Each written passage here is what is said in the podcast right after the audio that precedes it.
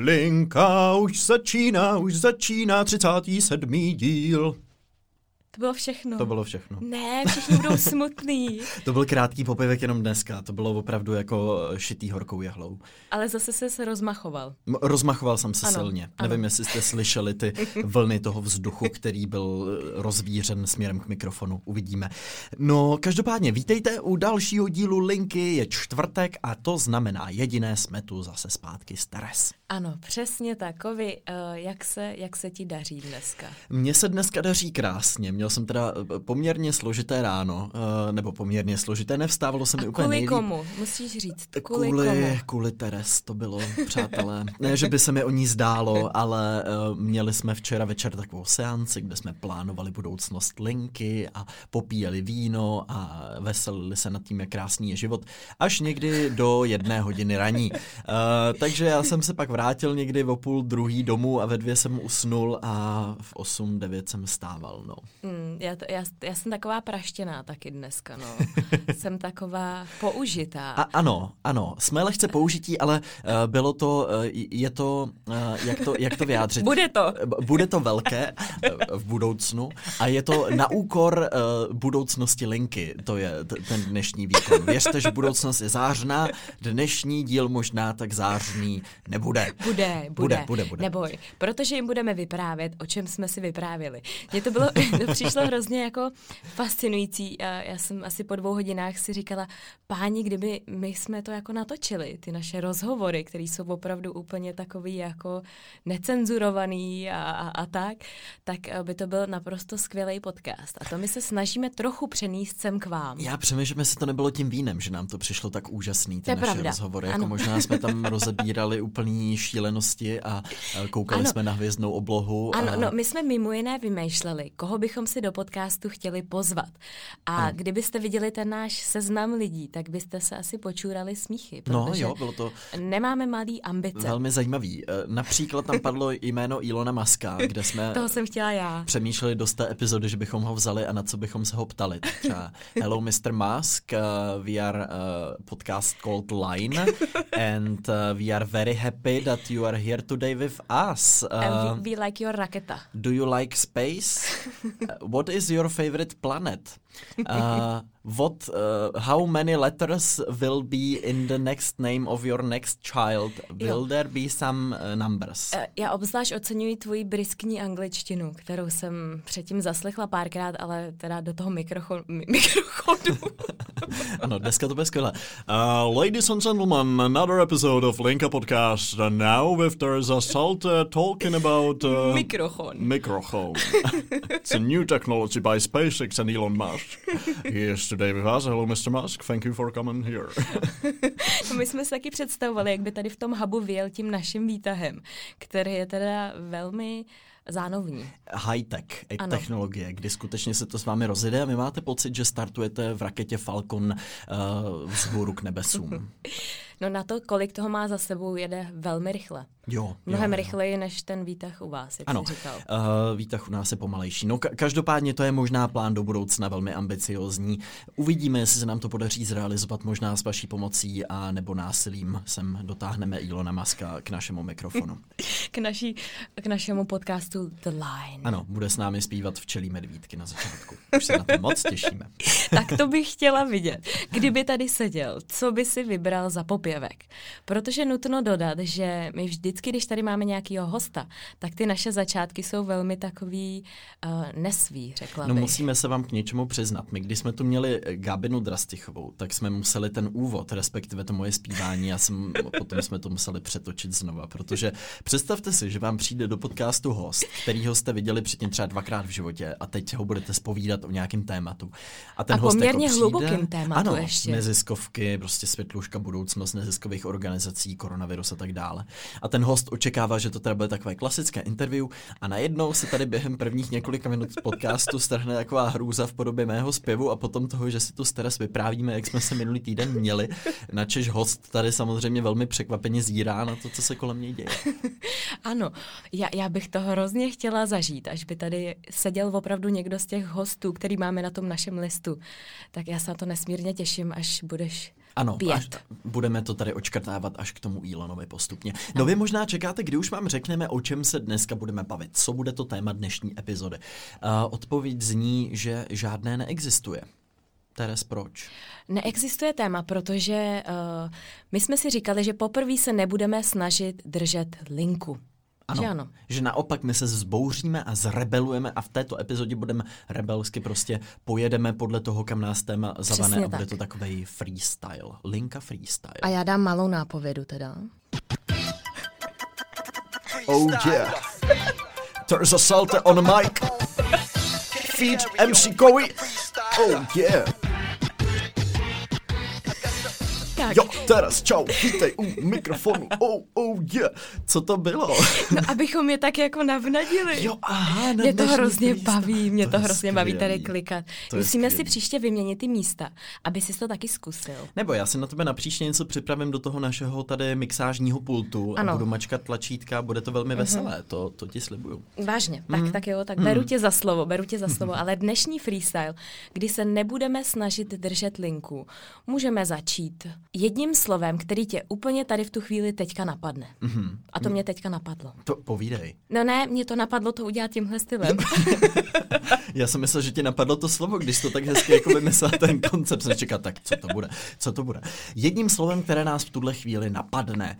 Uh, mně napadají mraky. Protože koukám na mraky. Teres, uh, Ano, mraky, máme, máme za oblaka. sebou, uh, tak to už jsme A v oblacích jsme. teďka, to, to bylo velmi rychlé. Nemáme za sebou takové vlastně zamračené období, když se tak ohledneme za těmi posledními několika týdny, nebo měsíci vlastně, který teďka mně to přijde jako paralela, že prostě mraky se rozestoupily a znovu svítí slunce, ale my jsme pořád jako vlastně zmoklí. Ty jsi to vzal tak poeticky. Já jsem to Dobře. vzal velmi poeticky. Dobře, ale ano, máš, máš pravdu, protože my máme pocit, že je vlastně všechno v normálu, zase velmi rychle, Hmm. téměř jako přes noc, ale přitom není.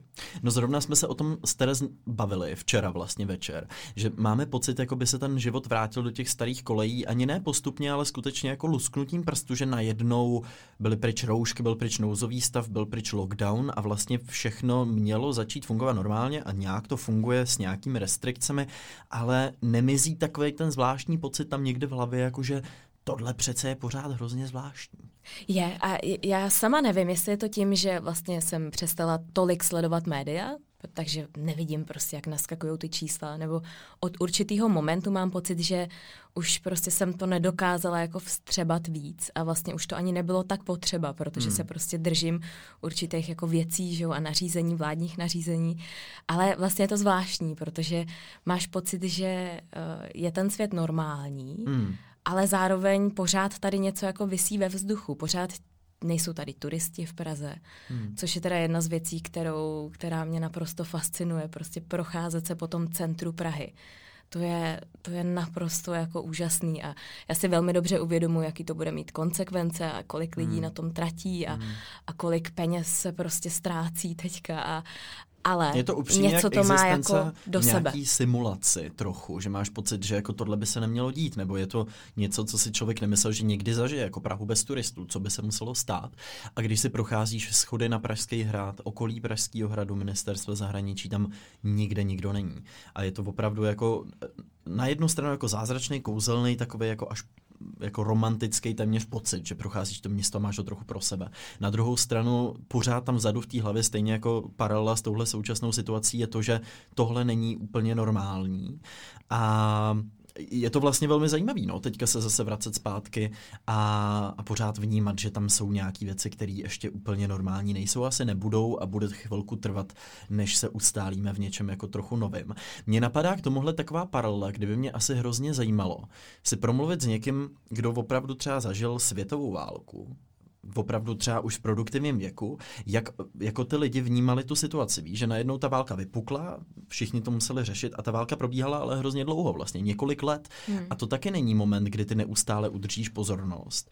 A, a taky v nějaký moment to začalo tak nějak, pokud si vyloženě nebyla na bitevním poli, nebo tak třeba řekněme, že jsi byla matka, tvoje děti prostě byly ve válce, no ale ty jsi musela fungovat jako dřív, musela si prostě třeba obstarávat zahradu, musela si chodit do práce a mu, ten život plynul nějakým způsobem dál.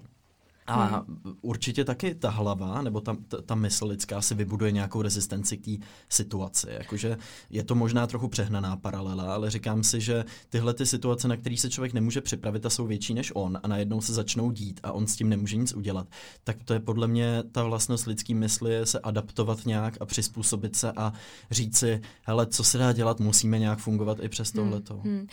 No, jak, jak říkáš, a já přemýšlím, že vlastně já to cítím na sobě, že jsem velmi adaptabilní člověk. Myslím si, že je to jedna z mých jako nejdůležitějších vlastností, kterou mám. A myslím si, že i díky tomu jsem dokázala se odstěhovat do ciziny a nějak tam prostě začít žít.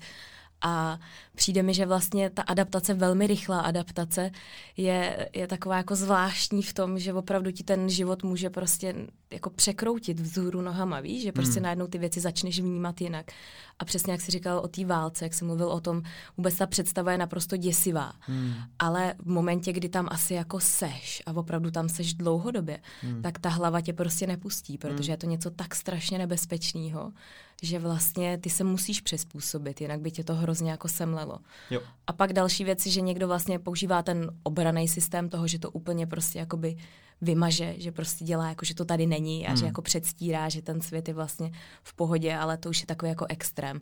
Myslím si, že je to velmi jako malá část lidí, který to úplně jako, víš, odstranějí, prostě, že už hmm. je to hmm. až jako příliš, až moc. No díky bohu, co my jsme zatím dostali a doufám, že to je všechno, co jsme dostali, taková malá ochutnávka toho, když ten systém opravdu jako najednou se zastaví a, a najednou to přestane fungovat a díky bohu, že to nepokračovalo nějakou delší dobu, protože prostě myslím si, že si snad všichni víc uvědomujeme, jak vlastně křehkej ten systém, ve kterém nějak fungujeme, i ten když řeknu nějaký jako režim, a teď nemyslím politicky, ale to každodenní fungování a to, to, co je pro nás jako stereotypně normální, že prostě vstaneme, vyčistíme si zuby, pustíme si televizi, dáme si snídani, pak jedeme autem do práce, v té práci jsme, prostě funguje topení, funguje klimatizace.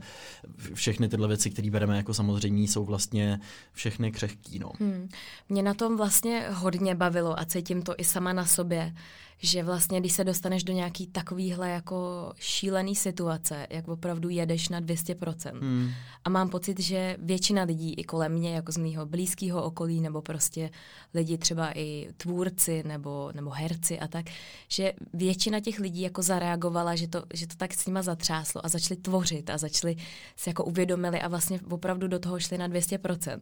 A teď to vnímám sama na sobě, že vlastně jak už se vracíme zpátky, tak tak zase si sedáš po pohodlně na tu židli a říkáš si, jo, tak už je to zase zpátky a nevymýšlíš různý možný nový věci nebo víš, jak, jak se z toho, mm. jak to zvládnout. Nevím. To je na druhou stranu asi logický, že nemůžeme neustále zůstat v nějaký tenzi nebo v nějakém 200% výkonu a možná díky bohu za to, že se to teďka trochu takhle jako vrací, ale byl to mimořádně jako zajímavý zážitek a samozřejmě jsem, jsem rád, že už to máme nějak z části za sebou. Doufejme, že ta budoucnost teda bude jako příznivá a, a ten, ty věci se nějak tak vrátí. Ne úplně do starých kolejí, ale do něčeho, co jsme tady řešili v epizodě doba po koronavirová. No jak jsme tady seděli, viď, úplně na začátku. To byl ten den, kdy to jako začalo. No. To bylo to úterý a my jsme nahrávali podcast a vlastně po tom, co jsme ho donahráli, tak jsme šli na Twitter, pamatuješ? Mm-hmm. A, a ty jsme tam prostě projížděli a přišlo nám to jako konec světa, že se to teďka děje a loučili jsme se. Říkali si, jestli se ještě někdy uvidíme. Ale tam postupně to je, to, je to zvláštní pocit, že najednou čtete prostě každých pět minut nějaký nový opatření, nový zákaz, zavírání škol, tohle, tamto a opravdu ten pocit v tu chvíli byl takový, jako že ty jo, teď se děje něco a vy samozřejmě jako jedinec vůbec nevíte za prvé, co se pořádně děje, za druhý máte pocit, že tak vy s tím nic nezmůžete, takže teďka jste prostě jako v loterii osudu toho, co se bude dít dál. A je to takový zvláštní, byl to zvláštní pocit velmi. No. My jsme tady s Teres totiž zůstali sedět po tom nahrávání podcastu uh, v tom našem studiu ještě asi hodinu a tady jsme četli ty zprávy, teď jsme se vzájemně tak jako stresovali víc a víc a potom jsme vylezli z toho studia v úvozovkách zpátky do reality, tady do toho hubu Elite Bloggers, kde tam uh, seděli ty zaměstnanci a obědvali. A my jsme vyšli úplně oči vytřeštěný, normálně z důlku nám trčeli a říkali jsme, to jak to, že tady sedíte tak v klidu, když se svět hroučí, je, je, to je přece strašný úplně. A opravdu mě trvalo docela nějakou chvíli, že jsem se vrátil zpátky do té reality, že vlastně Ježišmarja, tak zase pojďme. Jako, no pozor, ale my jsme poměrně dost vycukali. A říká, co se děje? Říká, vy to nečtete, pro boha, musíte. Ježišmarja.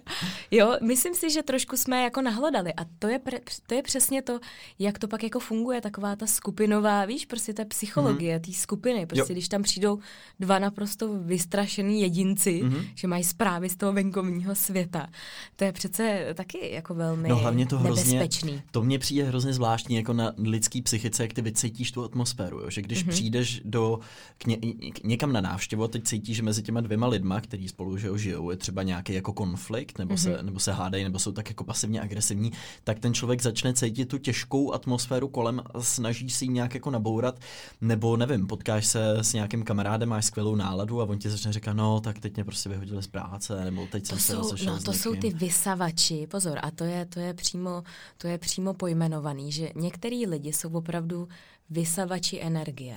Takhle, když to dělají jako při každé příležitosti, tak jo, samozřejmě. Ale pak, oni když opravdu máš takový, nějakýho... jako jsou, oni to mají tak jako nastavený v sobě, podle mě za to ty lidi ani nemůžou, ale opravdu, že mají prostě nějakou auru kolem sebe a že opravdu, když se s nima jako vidíš, hmm.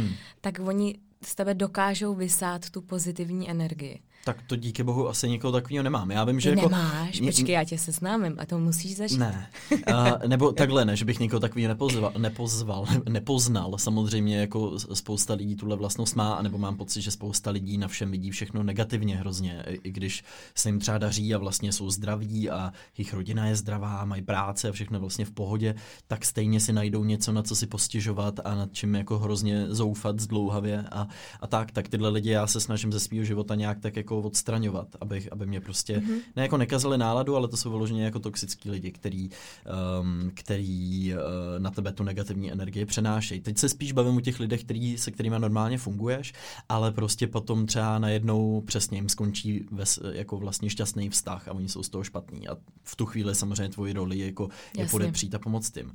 Ale v tu chvíli ty úplně pocítíš, jak vlastně ta tvoje jakože energie nějaká najednou jako klesá a velmi zvláštní jsou samozřejmě samozřejmě i ty davový potom, eh, jak funguje psychika v davu třeba, hmm. kdy opravdu se člověk jako jedinec dokáže nechat tím davem úplně jako vlastně pohltit a úplně s ním splyne a i jedinci, kteří jsou normálně, nevím, třeba introvertního charakteru nebo vlastně velmi jako míru milovní lidé, tak opravdu v nějakém agresivním davu i takový lidi se dokážou chovat úplně jinak a když je potom z toho davu vytrhneš a zatřeseš s nimi, tak oni třeba ani moc nevědí, co se vlastně co dělo. Se dělo. Hmm, je to, je to hmm, vlastně hmm, velmi zajímavý, tyhle ty davový hmm, mentality. Jo, já si vždycky na to vzpomenu, když my jsme se připravovali na nějaký závody, tak jak vlastně tam ta psychika hraje obrovskou roli a to vlastně, jak ten trenér tě dokáže nějakým způsobem vyburcovat nebo ti dá do té hlavy, hele, uh, bude to dobrý.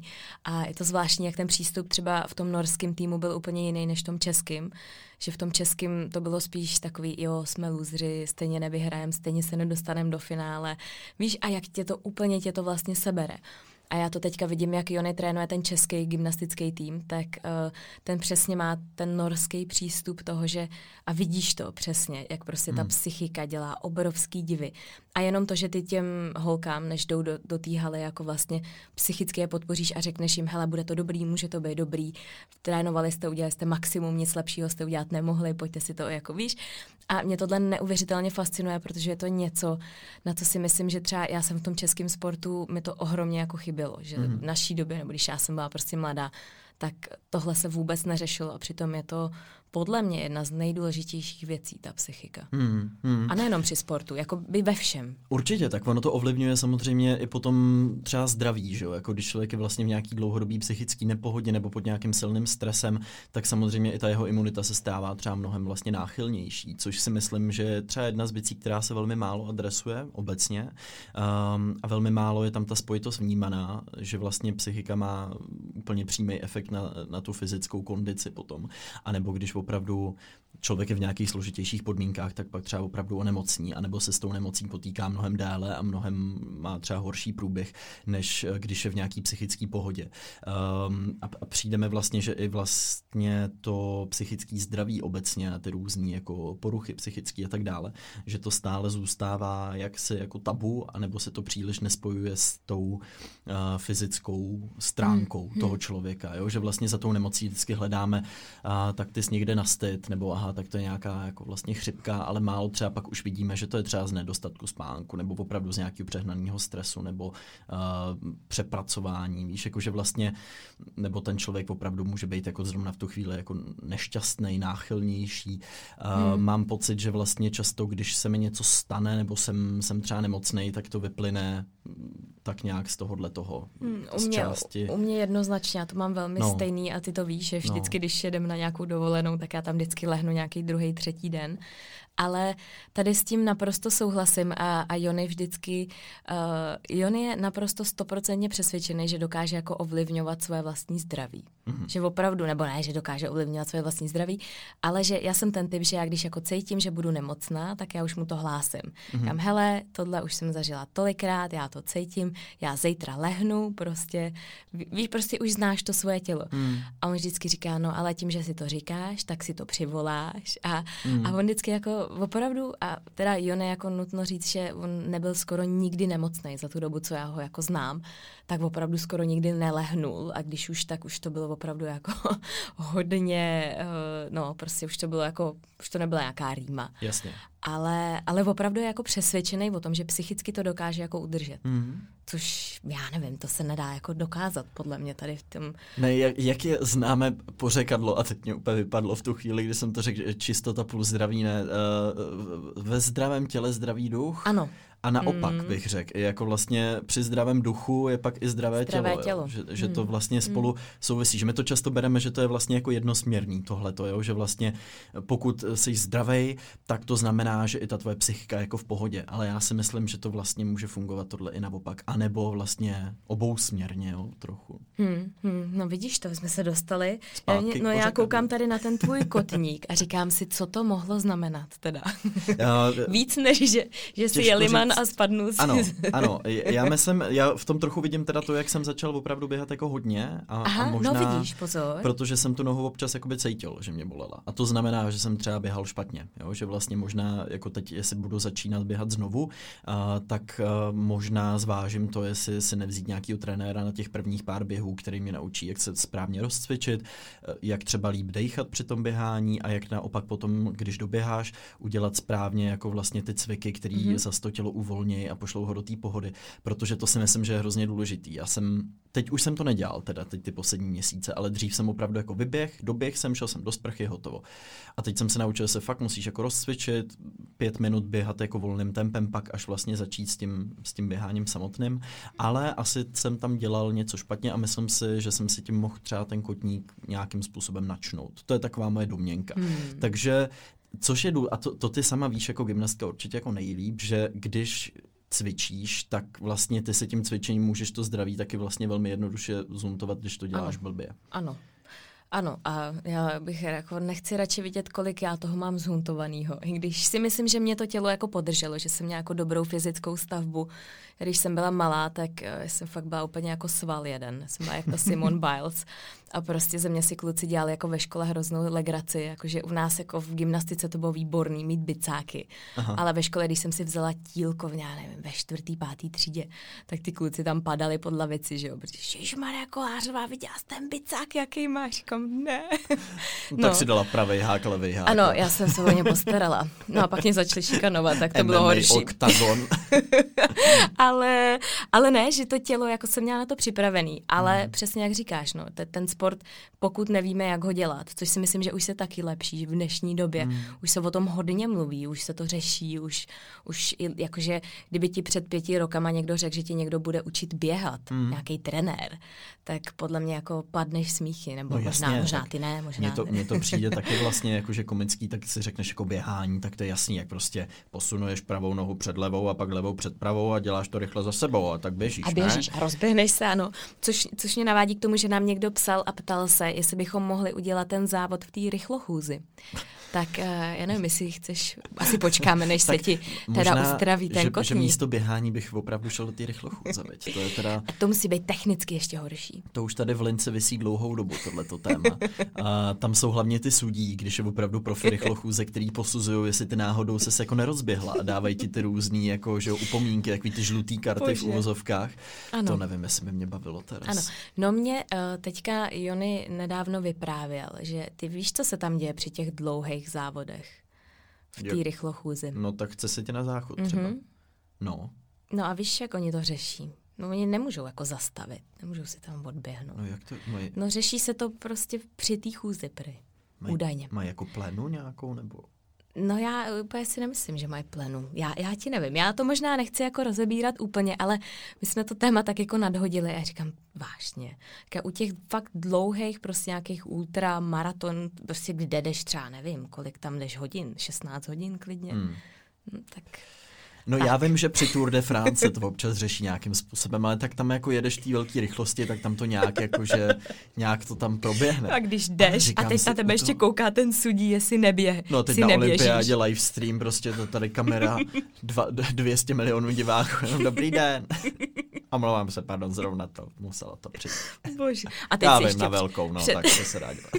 teď si představ, že jsi ještě pod takovým tlakem, že jo, tak když jsi to... na olympiádě, tak No, to no. musí být. To je dobrý téma, ke to jsme se, měli se zeptat, dostali. Když jsme tu měli Tomáše Housku na, na olympijský ten to určitě ví. díl. Ten, ano, to, ten ano. to určitě bude vědět. Tak Tomáš, jestli posloucháš, tak nám to prosím tě napiš. Ano, budeme se Protože nás to, nás to zajímá, jak se to tam teda odehrává. No náš freestyle zatím plyne opravdu velmi zajímavě. Dostali jsme se od zatažených mraků přes teda nedávnou krizi eh, po eh, fyzické a mentální zdraví až po čurání při rychlochůzi.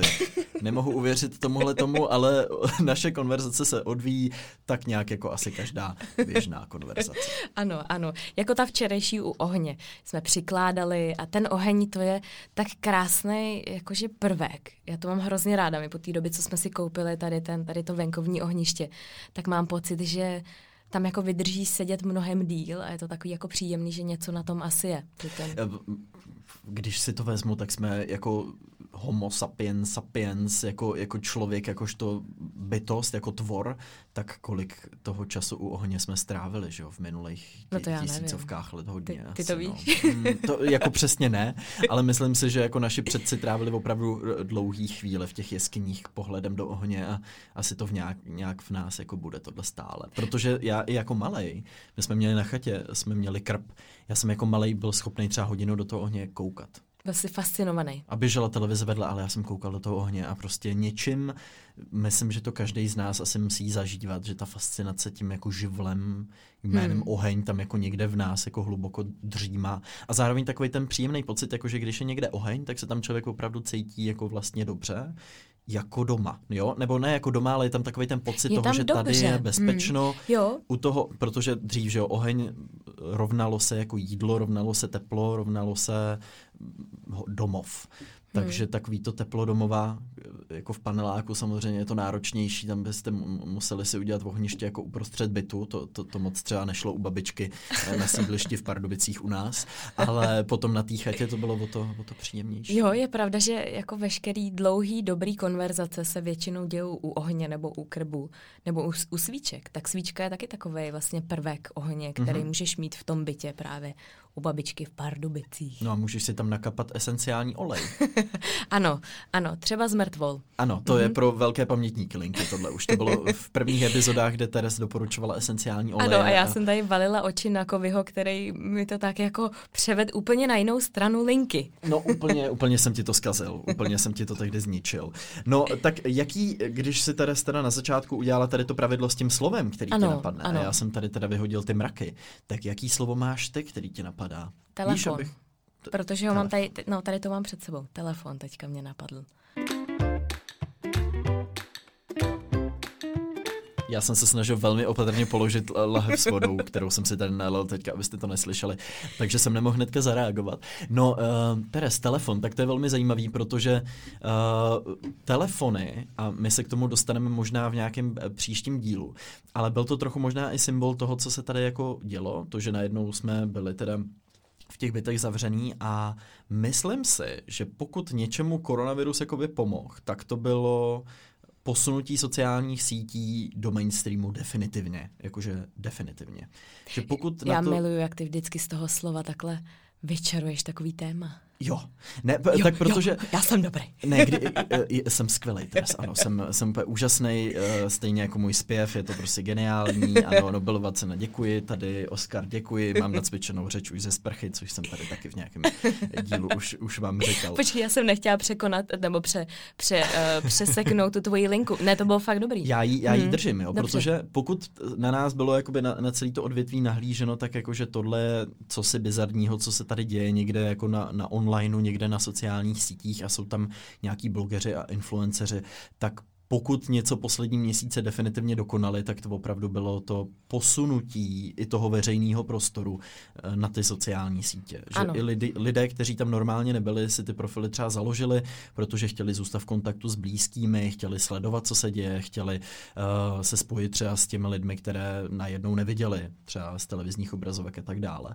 A to ty sociální sítě k tomu vlastně pomohly. Tak to jestli si myslím, že třeba ještě, když se vlastně takhle trošku oslí můstek k tomu, eh, k tomu nedávnému, tak to tomu třeba mohlo pomoct. Určitě, já s tím souhlasím a uh, mě to vlastně fascinuje, hodně mě to fascinuje, kolik právě třeba i tištěných médií najednou, prostě tištěný média, který dřív vlastně jako na nás, na influencery nahlíželi velmi pejorativně a, a to my jsme se o tom bavili nesčetněkrát, takový zvláštní pocit, který máme, když se dostaneme do nějaké skupiny lidí, ať už je to focení do časopisů, nebo když mm. jsme jako hosty v nějakém, nějakým třeba televizním pořadu, tak eh, je pravda, že ta změna byla velmi jako rychlá hmm. a najednou vlastně vycítili, že tak, teď se všechno děje v onlineu, pojďme tam taky. A, a my to vnímáme hodně i na našich kampaních, které připravujeme, že jsou to opravdu i značky a klienti, kteří nikdy vlastně v onlineu nebyli a najednou pochopili, protože spoustu věcí se prostě překazilo, spoustu věcí se přerušilo, z, přestali se nahrávat televizní reklamy, protože to prostě nešlo po uplynulých měsících. Bavíme se i o, o reklamách v printu, kde vlastně dramaticky klesala čtenost, kde spousta těch firm musela třeba zastavit úplně ty své rozpočty, takže najednou hledali třeba nějaký alternativní cesty. Že? A je to, je to jako veliký příliv nových lidí, který, který do toho onlineu jdou. A ty, hmm. jsi, to, ty jsi to včera zmiňoval, i když eh, se třeba díváš na nějaký televizní jako pořad, kde hmm. vlastně už mají všichni profily svoje a vlastně odkazují na Instagramové účty a krásně se to tak jako přirozeně p- při, p- p- při, p- připojuje, propojuje. Se to k tomu.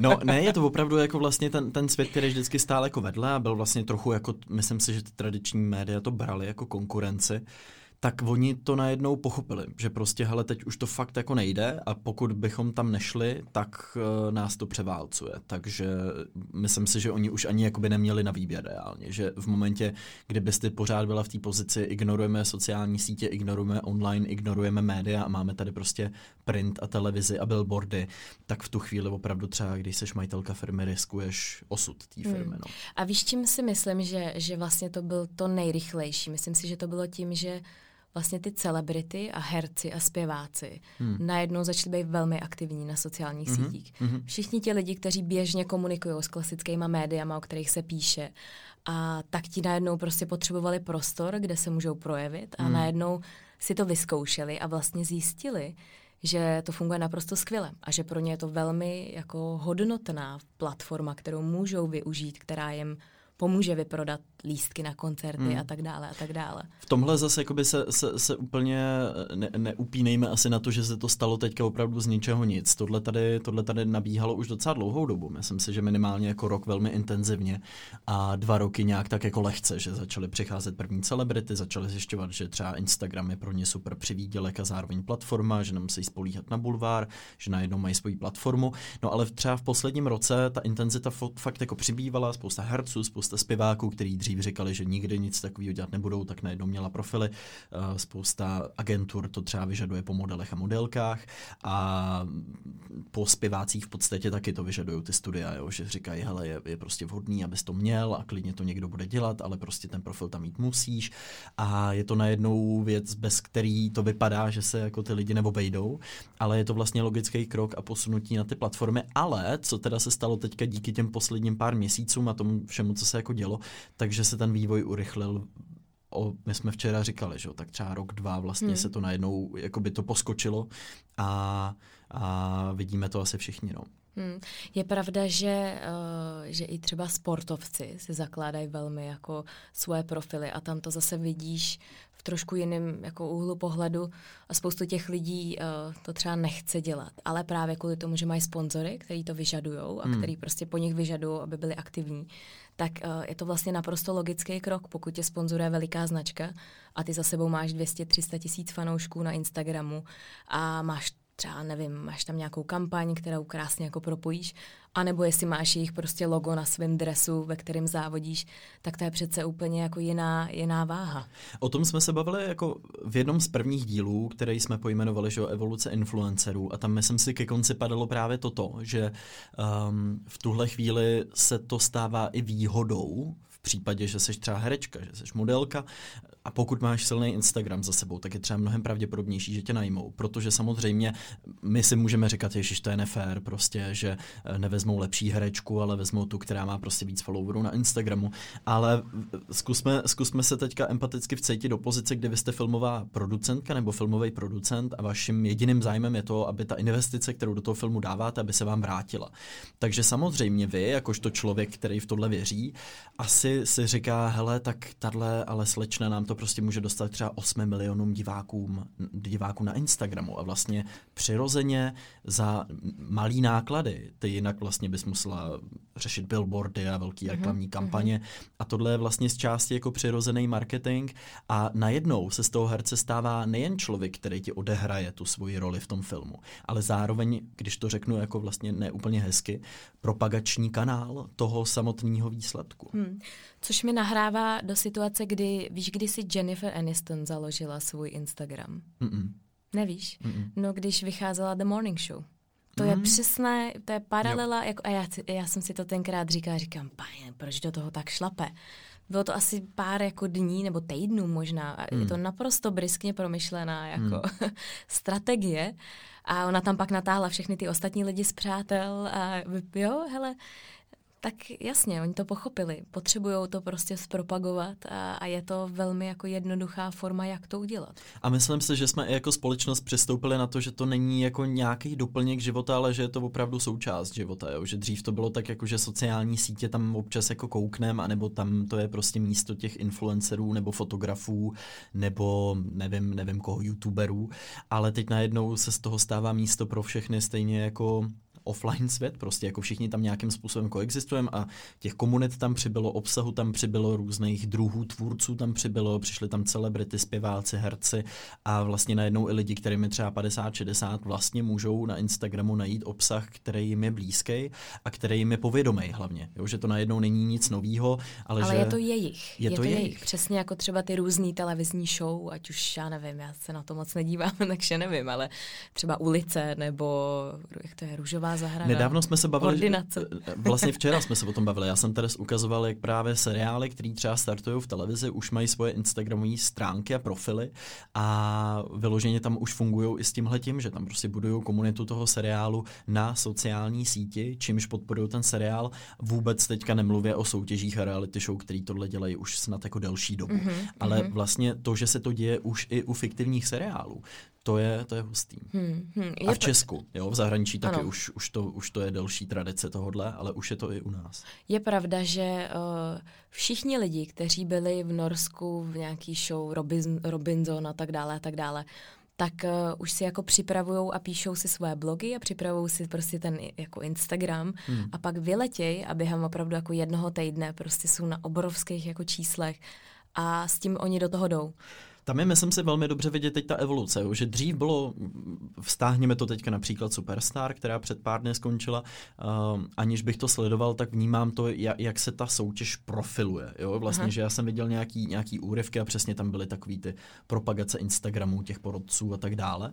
No ale co bylo zajímavé, je to, jak ti samotní účastníci té soutěže s tím dokážou pracovat. Dřív si byla v Superstar, znamenalo to prostě totální exposure na nějakou dobu několika měsíců v televizi, tehdy na to to koukalo ještě mnohem víc lidí než teď. To byla třeba fakt jako jediná reality show v televizi.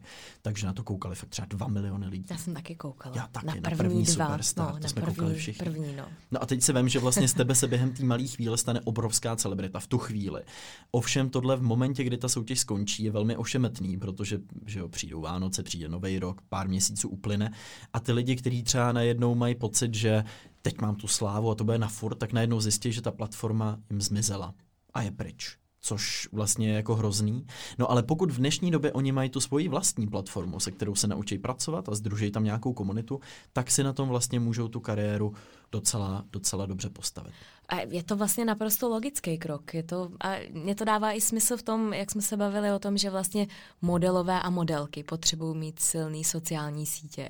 My máme kamaráda eh, v Norsku, který je model poměrně jako poměrně úspěšný a on právě říkal, no, že ta jeho agentura, a to už je taky, to je tři, čtyři roky zpátky, co, co nám to vyprávěl, že eh, prostě proto, aby si získal tu zakázku, tak musíš mít silný profil na sociálních sítích, protože oni samozřejmě ví, že ty to pak budeš propagovat, že budeš sdílet, jak jdeš na focení, mm-hmm. jdeš přehlídku a pro ně je to ohromně důležitá jako platforma. A on úplně nebyl velký jako fanda sociálních sítí, mm-hmm. vůbec na Instagramu ale prostě bral to jako součást jeho práce, to je prostě jedna z těch věcí, jako že chodí do posilovny, nevím, stará se o své vlasy, tak se stará o svůj Instagram a vlastně to bylo zvláštní, už tenkrát jsem si říkala, páni, kam se to jako posouvá ten svět. A že je to trošku jako nebezpečný a je to na úkor těch lidí, kteří buď v tom jako neumějí chodit, hmm. nebo ten talent třeba proto nemají, protože hmm ty musíš mít určitou dávku talentu pro to, aby jsi hlavně, tam tvořil dobrý Hlavně ty jako herec obsah. vlastně třeba vůbec nechceš sdílet žádný svůj osobní život. Jo? Proto ty, ty jsi herec a přesto to znamená, že budeš jako hrát nějaký role, ale proč bys teď najednou se měla zakládat Instagram a sdělovat tam celému světu, jak se vyspala, když to jako přeženo, jak to často říkají ty lidi, kteří sociální sítě tolik neznají a co jsem měla k obědu a tak dále. Že ty lidi mají pocit, že proč bych to já pro boha dělal, když já hraju, když jsem herec, proč bych to dělal? No počkej, a to musí být jako šílená frustrace. Představ si, že hmm. seš opravdu dobrý herec, hmm. opravdu jako perfektní prostě herec. Pak je otázka toho, do jaký míry tě to opravdu jako ovlivní. Víš, jo. do jaký míry, v jakých filmových prostě, víš, jestli je to popkultura, nebo prostě je to takovýhle film pro fajnšmekry. Asi těžko bychom mohli moc? teďka předpokládat, že třeba Brad Pitt bude nějak zasažený tím, že si nezaloží Instagram, že jo? To jako ne, ale bavme se o těch, že jo, vlastně, vlastně no, pozor. hercích v průměru, který najednou tam opravdu jako válčí na každém, když to pře- přeženu, tak na každý, eh, tý, na každém konkurzu tam prostě bojují o tu roli. A v momentě, kdy najednou budou znevýhodnění tím, že třeba nemají tu sociální síť, tak to samozřejmě pak už je něco, co je třeba může mrzet reálně. No. no a je to vlastně, vlastně jako by ty je trošku zaženeš do pasti. Ty jim hmm. řekneš, nebudeš sdílet soukromí, hmm. bum, nemůžeš prostě uspět třeba v tom tvým koníčku nebo v tom tvý, v té tvý obživě, což tak. je hrozný. Což je hrozný. Což, což je, hrozný. je vlastně ohromně jako nefér. A já to úplně chápu, protože ono to sdílení občas je fakt jako vlastně nepříjemný a já jsem rád, že prostě už za sebou my třeba oba máme tolik jako let na těch sociálních sítích, kdy už jsme se s tím nějak naučili trochu operovat, ale pro lidi, kteří tam fakt jako vplujou nově a já to vidím uh, na třeba starších hercích a herečkách, tak oni fakt vlastně vůbec nevědí, co s tím teď dělat a, a co tam teda vlastně dávat a co, co už je jako, co je trapný a co je v pohodě a vlastně nemají moc ten cit pro to, takže tam buď toho dávají extrémně moc, nebo vlastně takový trošku zvláštní věci.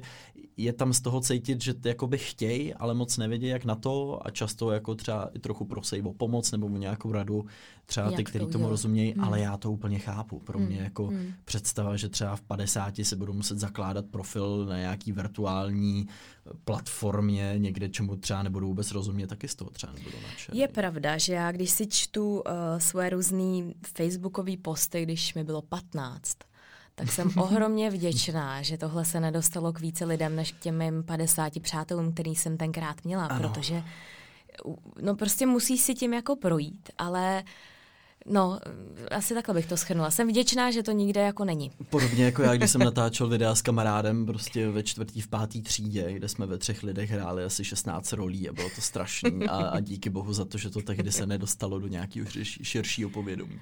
No tak tedy, co, co my jsme tady v tom freestylu všechno projeli, tak ano. šli jsme od, od doby té krize, která jako vlastně uplynula, ale pořád máme pocit, že v nás dříme nějaký ten pocit toho, že se něco stalo.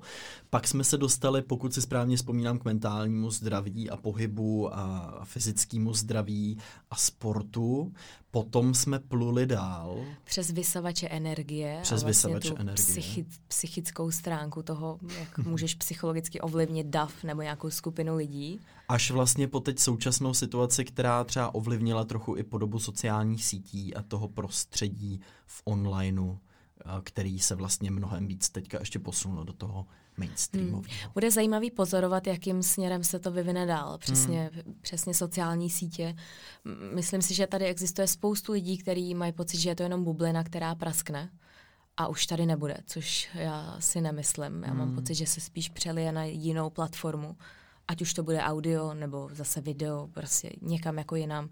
Ale myslím si, že už je to tak velká část a nezastavitelná část nás, hmm. že prostě už jsme s tím tak jako zžitý, že se s tím musíme naučit jako pracovat, aby nás to nepohltilo. Já jsem třeba přesvědčený, že stojíme na Prahu revoluce platform že opravdu jako svět, který známe jako v některých aspektech, ať už třeba jako distribuce filmů, um, natáčení seriálu, streamování a tak dále, že to prostě bude procházet teďka v dalších letech jako obrovskou proměnou. Ale na to si počkejme a třeba tomu budeme v budoucnu věnovat nějakou dedikovanou epizodu. Přesně tak. A teď už se pojďme podívat na linka typ týdne. Uhu.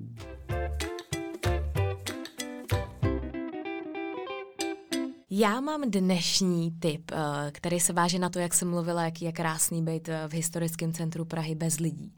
Tak mám tip na jednu kavárnu. A schválně si ji znáš. Je to kavárna na Novém městě.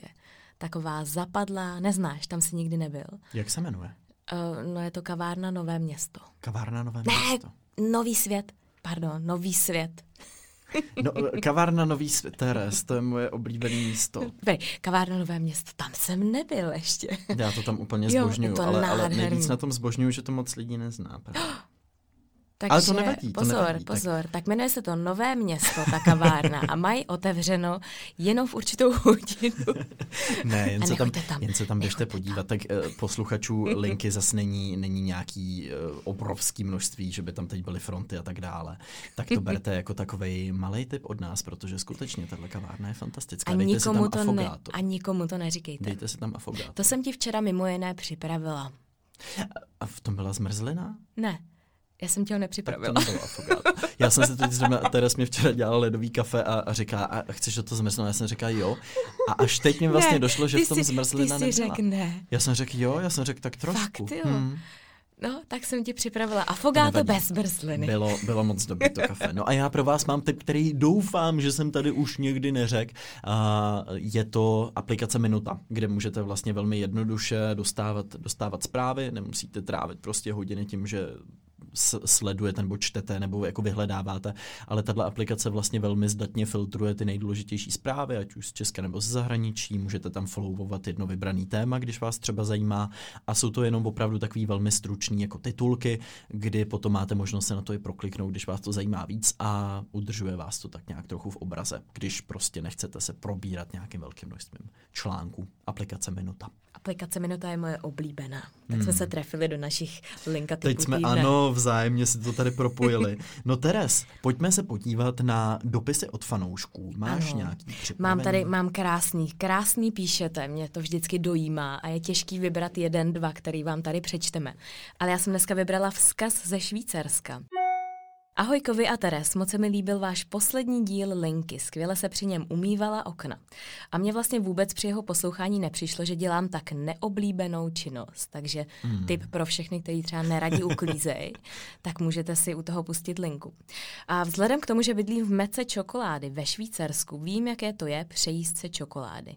A ten pocit po návštěvě čokoládovny a degustaci čokolády, že už je aspoň, pozor, teď mě tady přišlo nějaký upozornění, asi minuta, minuta. že už je aspoň aspoň další měsíc nestrčím do pusy. Ale pak k nám vždycky přijala další návštěva a kam je nám ji vzít než do čokoládovny. Hmm. A tady typ, kdybychom se někdy vydali do Švýcarska, tak má, tak uh, píše blog, na kterém jsou typy, kam si můžeme jít užít tu čokoládu a ten čokoládový zážitek. No a jak se blog jmenuje? Pojďme blog se jmenuje ourswissexperience.com. Takže přátelé, až se budete chystat do Švýcarska někdy, tak víte myswissexperience.com od našeho posluchače. Děkujeme za krásnou zprávu. Posluchačky, posluchačky. Posluchačky, ano, pardon. Ano. No já tady mám další posluchačku, Majdu, která nám napsala báseň, takže já se tady pokusím ano. odrecitovat. Doufám, že... Nahodí linku. Uh, nahodím linku, tak. Je čtvrtek, velmi brzy ráno, Vyšla nová linka? Jistě, že ano. Mám v plánu zvednout si čtvrteční náladu, Kovi zase zpívá a Teres posekala zahradu. Beru si sluchátka a dveře si zavírám, pustím si podcast a už smíchy umírám. Občas si přeju, ať linka trvá díl, mám naposlouchaný každičký díl. S linkou běhám, učím se i kreslit budu, občas s ní jen tak zaháním nudu. Paní Salte, paní Kova, paní, Kova, paní, paní Salte, pane Kováři, děkuji za kouzlení úsměvu na tváři. To je krásný. Ty jsi docela dobrý recitátor, ty jsi určitě byl na takovém tom vajíčku na nějakých těch pražských kolech. Na vajíčku? Recitační vajíčko to nebylo, když si chodil do základku. Recitační vajíčko? No, no tak já se jmenovala, taková soutěž v recitaci. klokánek. Jo, tak to je jiná. Tohle no, je v recitování. Dobře, tak děkujeme Majdi za krásné vajíčko. Eh, za, dě, dě, děkujeme Majdi za krásnou báseň, tak vajíčko, už jsem úplně tady zmatený z toho. Tak, bylo to moc hezké, děkujeme za všechny zprávy, za všechny e-maily, čteme, jsme za ně moc vděční a jsme rádi, že posloucháte a že jste s námi doposlouchali i 30 sedmou linku. Přesně tak, kterou jsme pořád vodní někam odbíhali. Ano. Tak jo, mějte se krásně a zase za týden. Mějte se. Ahoj.